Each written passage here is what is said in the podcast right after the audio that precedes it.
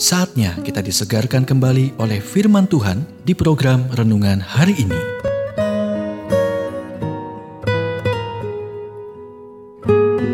Renungan hari ini berjudul Ucapkan kata-kata yang menghidupkan roh mereka, bagian pertama.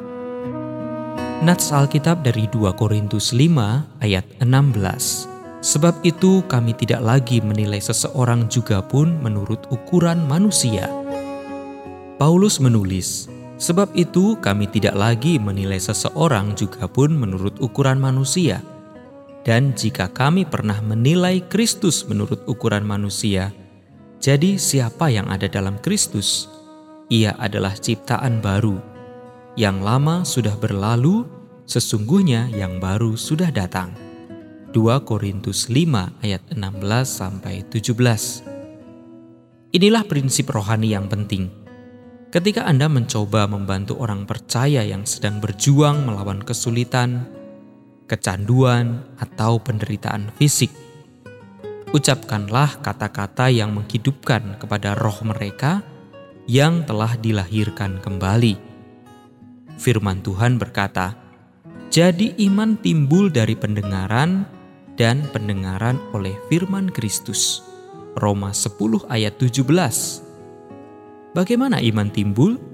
Dengan mendengar apa yang Tuhan pikirkan, katakan, dan lakukan.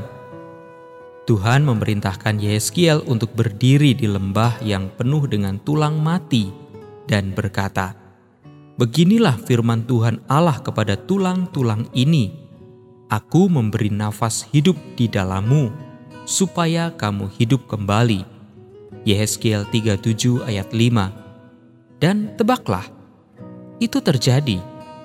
Yehezkiel bernubuat apa yang diperintahkan kepadanya. Yehezkiel 37 ayat 7. Mari kita perjelas, Anda tidak dapat menahan kepada orang yang Anda cintai ketika Tuhan dalam kebijaksanaannya berdaulat memutuskan sudah waktunya untuk membawa mereka pulang ke surga yang Paulus gambarkan sebagai jauh lebih baik Filipi 1 ayat 23. Tapi sebelum hal itu terjadi, ucapkan firman Tuhan kepada roh mereka. Iman tidak menyangkal realitas keadaan, tetapi menolak untuk dibatasi atau diatur oleh keadaan. Tetapi manusia duniawi tidak menerima apa yang berasal dari roh Allah. 1 Korintus 2 ayat 14 jadi, ketika seseorang adalah anak Tuhan yang telah ditebus, jangan berbicara kepada kecerdasan manusianya, ucapkanlah perkataan yang menghidupkan kepada rohnya.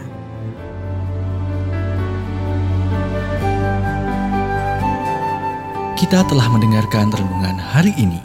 Kiranya renungan hari ini terus mengarahkan kita mendekat kepada Sang Juru Selamat, serta menjadikan kita bertumbuh dan berakar di dalam Kristus. Renungan hari ini tersedia dalam bentuk buku maupun digital dan bisa Anda miliki dengan menghubungi Japri di WhatsApp 0812 8784 7210 atau email ke infoapripusat@gmail.com. Tuhan memberkati.